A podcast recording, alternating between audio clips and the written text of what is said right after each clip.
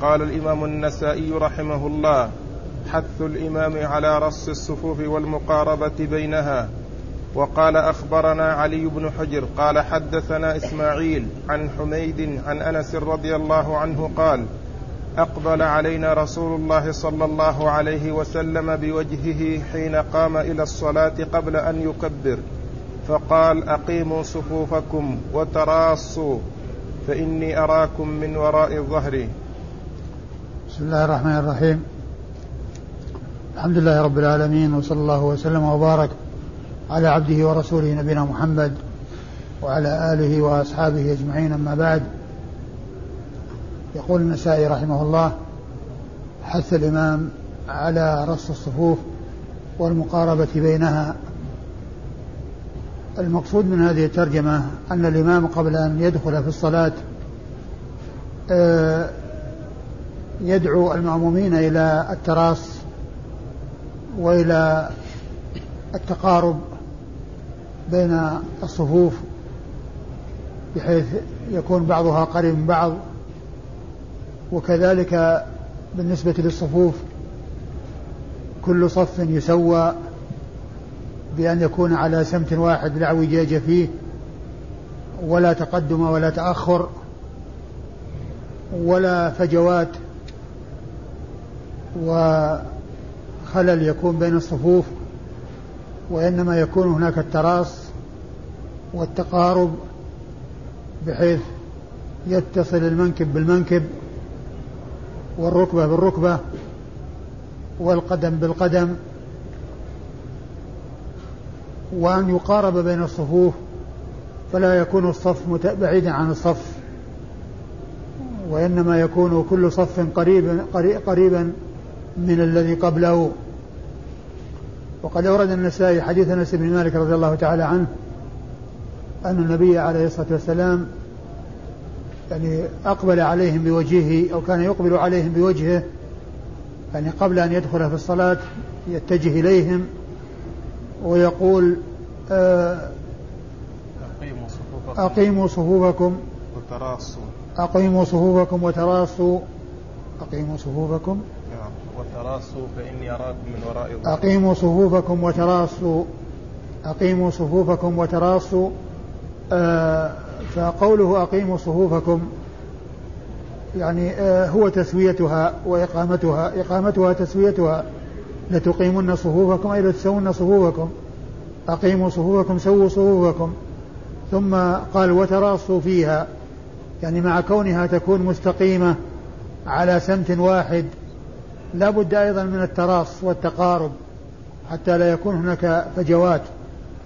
ثم أيضا آه تتقارب الصفوف ولا ينأى بعضها عن بعض ويكون بعضها بعيدا عن بعض.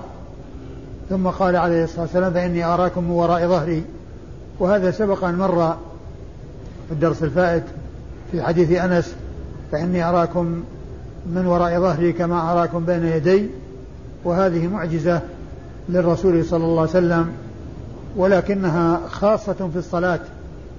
يعني ليس هناك شيء يدل على أن ذلك يحصل للرسول عليه الصلاة والسلام في غير الصلاة وإنما جاء في الحديث حصوله له صلى الله عليه وسلم في الصلاة وهو من معجزاته. ولهذا أورده البخاري رحمه الله في علامات النبوة. علامات نبوة الرسول الكريم صلوات الله وسلامه وبركاته عليه. الإسناد؟ أخبرنا علي بن حجر. أخبرنا علي بن حجر وهو علي بن حجر بن إياس السعدي المروزي ثقة حافظ خرج له البخاري ومسلم والترمذي والنسائي. يروي عن إسماعيل وإسماعيل هو بن جعفر وهو ثقة ثبت خرج حديثه أصحاب الكتب الستة. وقد سبق أن مر إسناد مثل هذا الإسناد في لعله 874 يعني شوف 874 700 ها؟ 700 ولا 800 700 إيه. نعم 774 700 لأن لأن هذا 813 نعم. 774 774 784 نعم. 784 الإسناد مثل الإسناد تماما. وذكرت فيما مضى أنه سليمان أنه إسماعيل بن علية وإسماعيل بن علية من شيوخ إسماعيل شيوخ علي بن حجر. لكن في هذا الإسناد وفي الإسناد الذي معنا هو إسماعيل بن جعفر. قد ذكر هذا المزي وسماه في تحفة الأشراف. يعني في الإسنادين هو إسماعيل بن جعفر وليس إسماعيل بن علية ف يعني يشطب على ابن علية هناك ويكتب مكانه ابن جعفر. وإسماعيل بن جعفر ثقة ثبت خرج حديثه أصحاب الكتب الستة.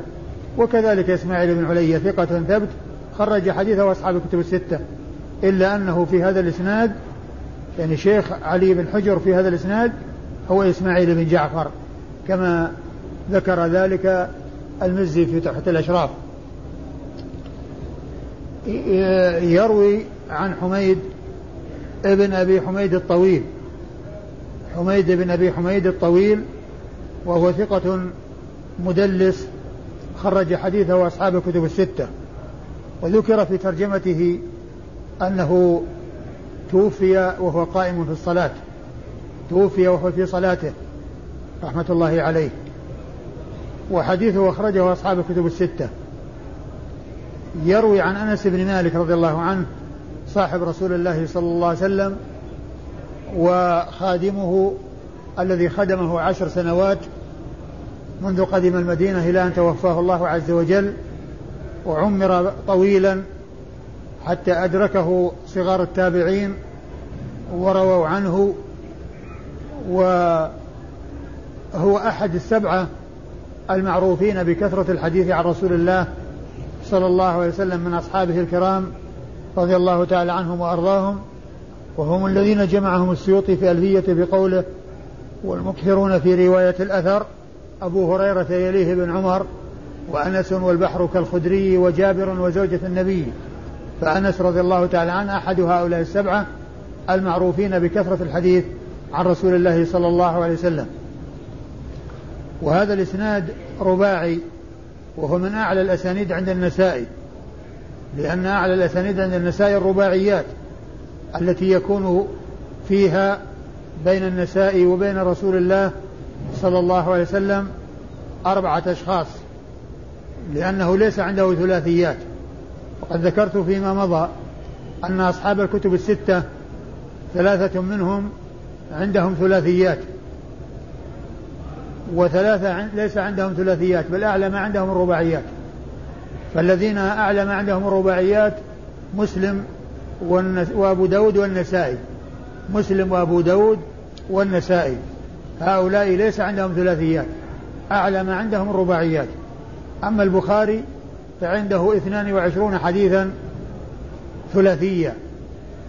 والترمذي عنده حديث واحد ثلاثي. وابن ماجه عنده خمسة أحاديث ثلاثية كلها بإسناد واحد. كلها بإسناد واحد. أي الخمسة الثلاثية عند النساء عند عند ابن ماجه إسنادها واحد. قال قال أخبرنا محمد بن عبد الله بن المبارك المخرمي. مخرمي. قال حدثنا أبو هشام قال حدثنا أبان قال حدثنا قتادة قتادة قال حدثنا أنس أن نبي الله صلى الله عليه وسلم قال تراصوا صفوفكم وقاربوا بينها وحاذوا بالأعناق فوالذي نفس محمد بيده إني لأرى الشياطين تدخل من خلل الصف كأنها الحذف. تعيده قال أخبرنا محمد بن عبد الله بن المبارك المخرمي قال حدثنا أبو هشام قال حدثنا أبان قال حدثنا قتادة قال حدثنا أنس رضي الله عنه أنه قال إن نبي الله صلى الله عليه وسلم قال تراصوا صفوفكم وقاربوا بينها وحاذوا فوالذي نفس محمد بيده. إني لأرى الشياطين تدخل من خلل الصف كأنها الحذف. ثم ورد النسائي آه، حديث أنس. حديث أنس رضي الله تعالى عنه. يقول فيه الرسول يقول فيه الرسول الكريم صلى الله عليه وسلم راسوا صفوفكم وقاربوا بينها وحاذوا بالأعناق. فقوله حاذوا بالأعناق يدل على المساواة. وأنها على سمت واحد لا تقدم ولا تأخر. وقوله راس يعني يدل على التقارب بين كل شخص وغيره. ويكون هذا إلى جهة الإمام بحيث أن من كان إلى أن أن الصفوف يقرب أن الصف آه تسد الفجوات إلى جهة الإمام. وإذا كان هناك فجوة يقرب إلى جهة الإمام. ثم كل واحد يتبع الذي يليه إلى جهة الإمام. إن كان الإمام من جهة اليسار بأن كان في ميامن الصف فإنه كل واحد يقرب إلى أخيه من جهة يساره إلى جهة الإمام. وإن كان في عن يسار الإمام يعني في آه في آه أيسر الصف فإنه يقرب إلى جهة اليمين. يقرب إلى جهة اليمين. فالمحاذاة بين الأعناق فيها أنهم على سمت واحد ما في تقدم ولا تأخر. والتراص على المهي فجوات والمقاربة بين الصفوف يعني معناه كل صف يكون قريب من الآخر. ما يكون هناك مسافة تكون بين الصف والصف وإنما يكون كل صف قريب قريبا من الآخر. آه ثم قال فهو الذي نفسي بيده إني أراكم من وراء ظهري. وهذا مثل مثل الذي قبله. إني لأرى الشياطين نعم فإني لأرى الشياطين آه تدخل من خلل الصف. تدخل من خلل الصف كأنها الحذف. والمقصود من ذلك إذا كان هناك فجوات وليس هناك تراص يعني معناه يكون هناك فرج للشياطين. وتدخل الشياطين من بين الأفراد المتباعد بعضهم عن بعض. وإذا حصل التراص والتقارب لا يحصل هذا للشياطين. وقوله كأنها الحذف المقصود بها أولاد الغنم الصغار. أولاد الغنم الصغار يعني معناه كأنها إياها يعني تشبهها يعني في آه وهذا فيه أيضا يعني آه آه معجزة للرسول صلى الله عليه وسلم أو آه، من علامات نبوته عليه الصلاة والسلام. كونه يرى الشياطين تدخل من الصفوف أو بين الصفوف أو بين بين يعني في الصف يعني إذا كان هناك فجوات كأنها الحذف التي هي أولاد الغنم الصغار. والتقارب بين الصفوف يكون فيه آآ آآ عدم حصول هذا من الشياطين التي تدخل بين الصفوف. ثم أيضا يحصل أيضا مع ذلك تفاوت القلوب وتنافر القلوب الذي أشار إليه الرسول الكريم صلى الله عليه وسلم بقوله لتسون صفوفكم ولا يخالفن الله بين قلوبكم؟ لا تختلفوا فتختلف قلوبكم نعم أخبرنا محمد بن عبد الله بن مبارك. أخبرنا محمد بن عبد الله بن مبارك. نعم. محمد بن عبد الله المبارك المخرمي وهو ثقة خرج حديثه البخاري. هذا المخرمي. أو مسلم. البخاري. ومن؟ البخاري وأبو داود والنسائي. خرج حديثه البخاري. وأبو داود والنسائي ما خرج له مسلم ولا الترمذي ولا ابن ماجه. أيوه. حدثنا أبو هشام. حدثنا أبو هشام. وهو سلمة. نعم. سلمة المخزومي بن سلمة. نعم. المغيرة بن سلمة. المغيرة بن سلمة المخزومي. نعم. المغيرة ابن سلمة المخزومي وهو ثقة خرج حديثه. ثقة ثبت خرجه البخاري تعليقا ومسلم وابو داود والنسائي وابن ماجه. خرج له البخاري تعليقا ومسلم وأبو داود والنسائي وابن ماجه. يعني ما خرج له الترمذي وما خرج له البخاري في الصحيح. وما خرج له البخاري في الصحيح وإنما آه، آه، في الأصول وإنما خرج له تعليقا. خرج له في الصحيح تعليقا لا لا في الأصول. وخرج له مسلم وأبو داود والنسائي وابن ماجه. أيوة. حدثنا أبان. حدثنا أبان وهو بن يزيد العطار. أبان ابن يزيد العطار. وهو ثقة له أفراد. خرج حديثه أصحاب الكتب الستة. إلا الترمذي؟ إلا ابن ماجه. نعم. أصحاب الكتب الستة إلا ابن ماجه. نعم. قال حدثنا قتادة. حدثنا قتادة هو بن دعامة السدوسي البصري. وهو ثقة خرج حديثه أصحاب الكتب الستة. عن أنس؟ نعم قال حدثنا أنس. عن أنس بن مالك رضي الله عنه وقد تقدم ذكره. قال أخبرنا قتيبة قال حدثنا الفضيل بن عياض عن الأعمش عن المسيب بن رافع عن تميم بن طرفة عن جابر بن سمرة رضي الله عنه أنه قال خرج إلينا رسول الله صلى الله عليه وسلم فقال ألا تصفون كما تصف الملائكة عند ربهم؟ قالوا وكيف تصف الملائكة عند ربهم؟ قال يتمون الصف الأول ثم ثم يتراصون في الصف. ثم ورد النسائي حديث جابر بن سمرة رضي الله تعالى عنه أن النبي عليه الصلاة والسلام خرج عليهم فقال ألا تصفون كما تصف الملائكة عند ربهم؟ قالوا وكيف تصف الملائكة عند عند الله وعند ربهم, ربهم. عند ربهم. أو كيف تصف الملائكة عند ربهم؟ قال يتمون الصف الأول ثم يتراصون في الصف. ثم يتراصون في الصف. قوله آه، فقوله صلى الله عليه وسلم ألا تصفون كما تصف الملائكة عند عند ربهم؟ يعني هذا آه، آه، كونه يأتي بما يريد أن يعلمهم إياه بهذه الصيغة التي هي الاستفهام والتي هي العرض هذا يجعلهم يستعدون ويتهيئون ويتشوفون ويتشوقون إلى معرفة ذلك. ولهذا قالوا وكيف تصف الملائكة؟ فقال يتمون الصف الأول ثم يتراصون يتراصون في الصف. فمثل هذا التعبير فيه لفت الأنظار وحفز الهمم وجعل النفوس تتطلع وتتشوف إلى ذلك الشيء الذي مهد له بهذا التمهيد وقدم له بهذا التقديم. ألا تصفون كما تصف الملائكة عند ربها؟ عند ربهم؟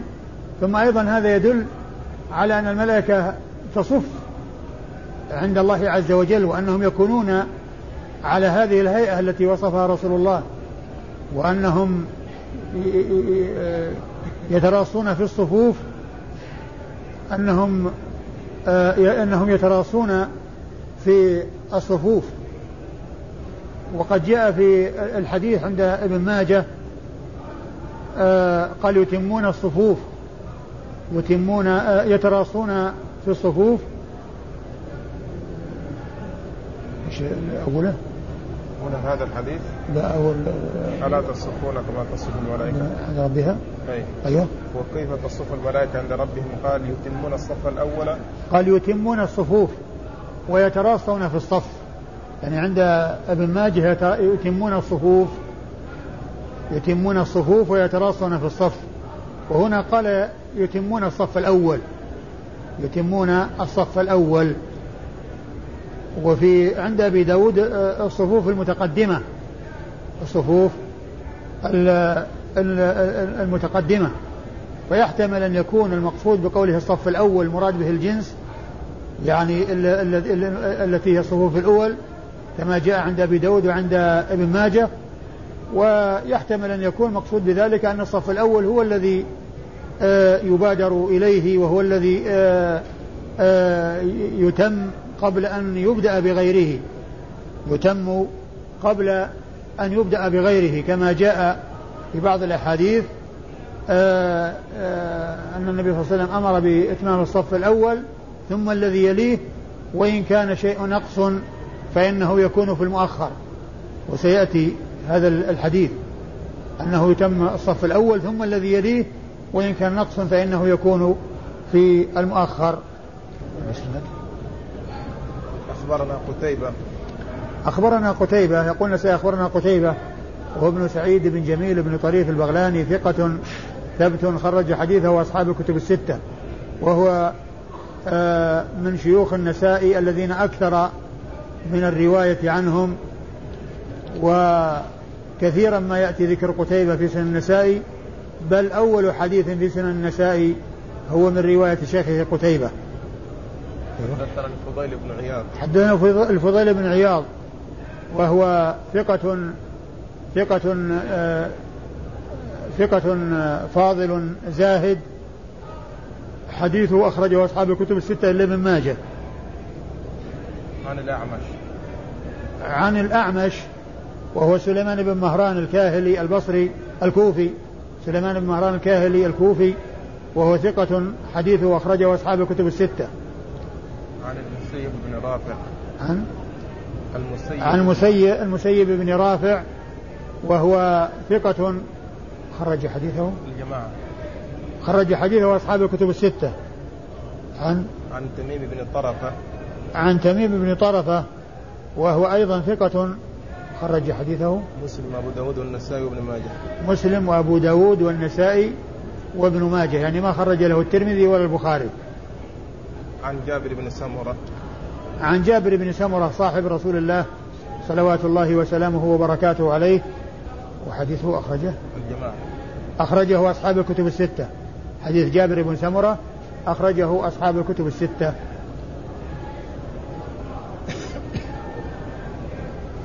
قال فضل الصف الأول على الثاني. وقال أخبرني يحيى بن عثمان الحمصي قال حدثنا بقية عن بحير بن سعد عن خالد بن معدان عن جبير بن نفير عن العرباض بن سارية رضي الله عنه أنه عن العرباض بن سارية رضي الله عنه عن رسول الله صلى الله عليه وسلم. كان يصلي على الصف الأول ثلاثا وعلى الثاني واحدة ثم ورد النسائي فضل الصف الأول على الذي يليه. فضل الصف الأول على الذي يليه. وورد في حديث العرباض بن سارية أن النبي عليه الصلاة والسلام كان يصلي على الصف الأول ثلاثا وعلى الثاني مرة واحدة. وجاء في سنن ابن ماجه كان يستغفر للصف الأول ثلاثا وللثاني مرة واحدة. وهذا يدل على فضله. وهذا يدل على فضل الصف الأول على الذي يليه. وأن ذلك يقتضي الحرص على عليه. وقد جاء في ذلك أحاديث أخرى منها قوله عليه الصلاة والسلام خير صفوف الرجال أولها وقوله لو يعلم الناس ما في النداء والصف الأول ثم لم يجدوا إلا أن يستهموا عليه. لاستهموا عليه. وهنا يدل هذا الاستغفار من رسول الله صلى الله عليه وسلم آه على الصف الأول آه آه ثلاثا وللثاني واحدة. على على فضله. وهذا من جنس ما جاء في المحلقين والمقصرين في عند الفراغ من النسك. الرسول دعا المحلقين ثلاث مرات وللمقصرين مرة واحدة. وذلك دال على تفضيل الحلق على التقصير. وهذا دال على تفضيل الصف الأول على الذي يليه. حيث دعا لصاحبه لأصحابه الرسول صلى الله عليه وسلم ثلاث مرات. وما ذاك إلا لأن أصحاب الصف الأول يعني يأتون مبكرين ويكون مكثهم في المسجد أكثر ويكونون قريبين من الإمام فكل هذه ميزات ظفروا بها ومن ما حصل لهم آه، أن النبي عليه الصلاة والسلام كان يصلي على الصف الأول ثلاثا. وفي, وفي والذي عند النساء يصلي بمعنى يدعو لأن الصلاة معناها الدعاء. وصلي عليهم إن صلاتك سكن لهم يعني ادعو لهم. فإن الصلاة هنا المراد بها الدعاء. وحديث والحديث عند عند ابن ماجه آه، فيه ذكر الاستغفار وهو الدعاء. فيه ذكر الاستغفار وهو الدعاء. الإسناد؟ أخبرني يحيى بن عثمان الحمصي. أخبرني؟ أيوه. يحيى أخبرني؟ أيوه. أخبرني يحيى ابن عثمان. ابن عثمان الحمصي. يحيى بن عثمان الحمصي آه، ثقة؟ صدوق خرج له أبو داود والنسائي وابن ماجه. صدوق صدوق عابد؟ أي نعم. صدوق عابد. نعم. صدوق عابد أخرج له أبو داود والنسائي أبو داود والنسائي وابن ماجه. أبو داود والنسائي وابن ماجه. نعم. قال حدثنا بقية. بقية هو ابن الوليد الحمصي أيضا. الحمصي أيضا وهو ثقة. صدوق كثير وهو صدوق كثير التدليس عن الضعفاء. وهو صدوق كثير التدليس عن الضعفاء. وقد خرجه البخاري تعليقا. البخاري تعليقا ومسلم وأصحاب السنن الأربعة. خرج له البخاري تعليقا. ومسلم وأصحاب السنن الأربعة. عن بحير. نعم. عن بحير بن سعد. وفي بعض النسخ سعيد. وبحير بن سعد ثقة خرج له البخاري في الأدب المفرد والأربعة. نعم. خرج له البخاري في الأدب المفرد والأربعة. خرج له البخاري في الأدب المفرد والأربعة. بحير بن سعد الحمصي وهو حمصي أيضا. عن عن خالد بن معدان. عن خالد بن معدان وهو أيضا حمصي. خرج له الجماعة نعم. ها؟ أي خرج له أصحاب الكتب الستة. عن عن جبير بن نفير. عن جبير بن نفير وهو أيضا حمصي. خرج له ثقة جليل خرج له البخاري في الأدب ومسلم والأربعة ثقة خرج له البخاري في الأدب المفرد ومسلم وأصحاب السنن الأربعة. عن الإرباض بن سارية. عن العرباض بن سارية صاحب رسول الله. صلى الله عليه وسلم وحديثه عند أصحاب السنن الأربعة وهو وقد سكن حمصا.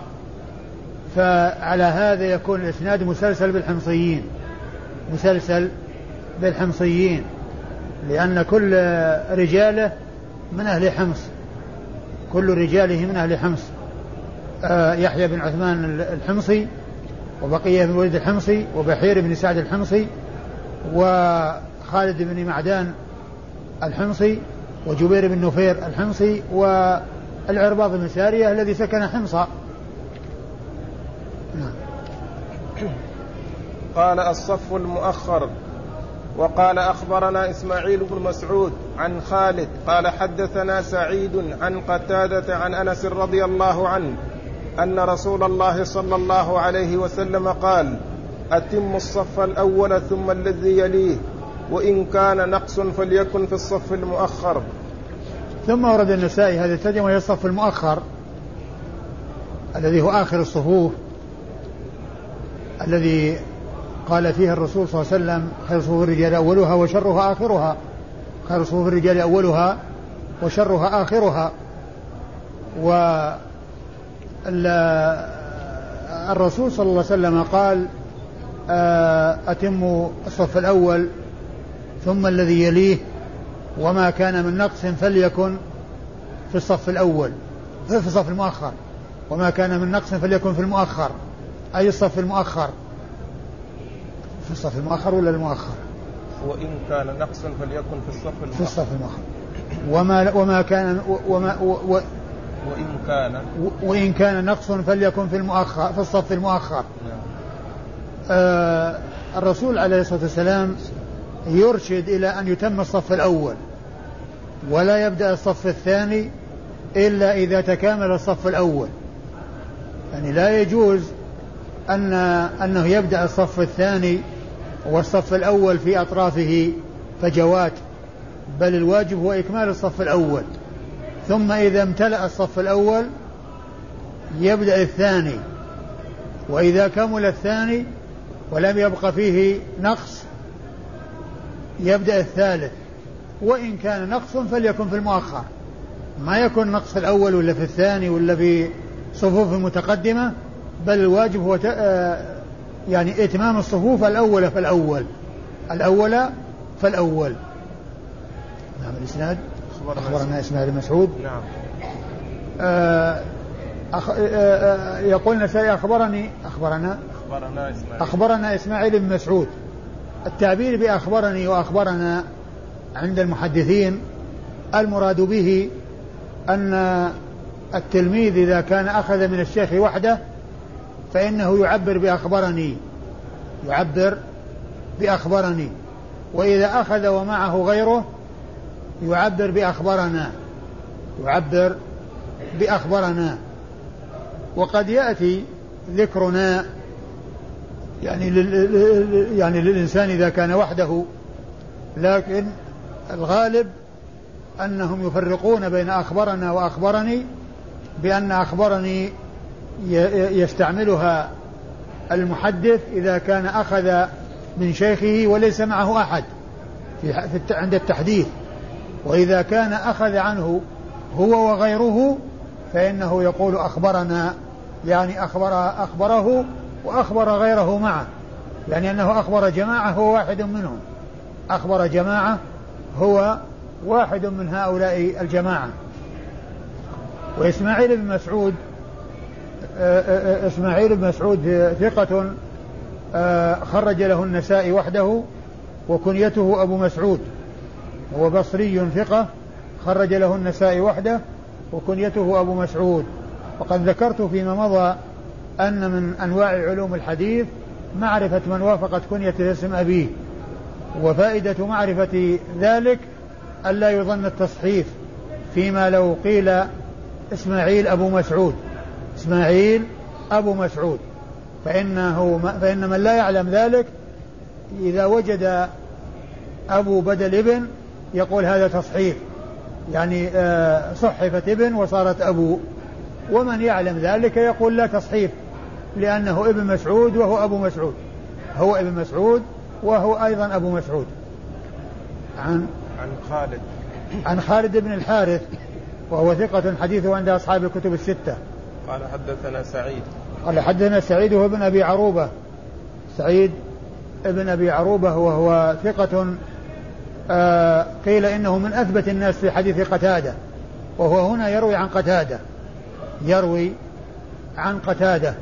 وحديث سعيد بن أبي عروبة عند أصحاب الكتب الستة.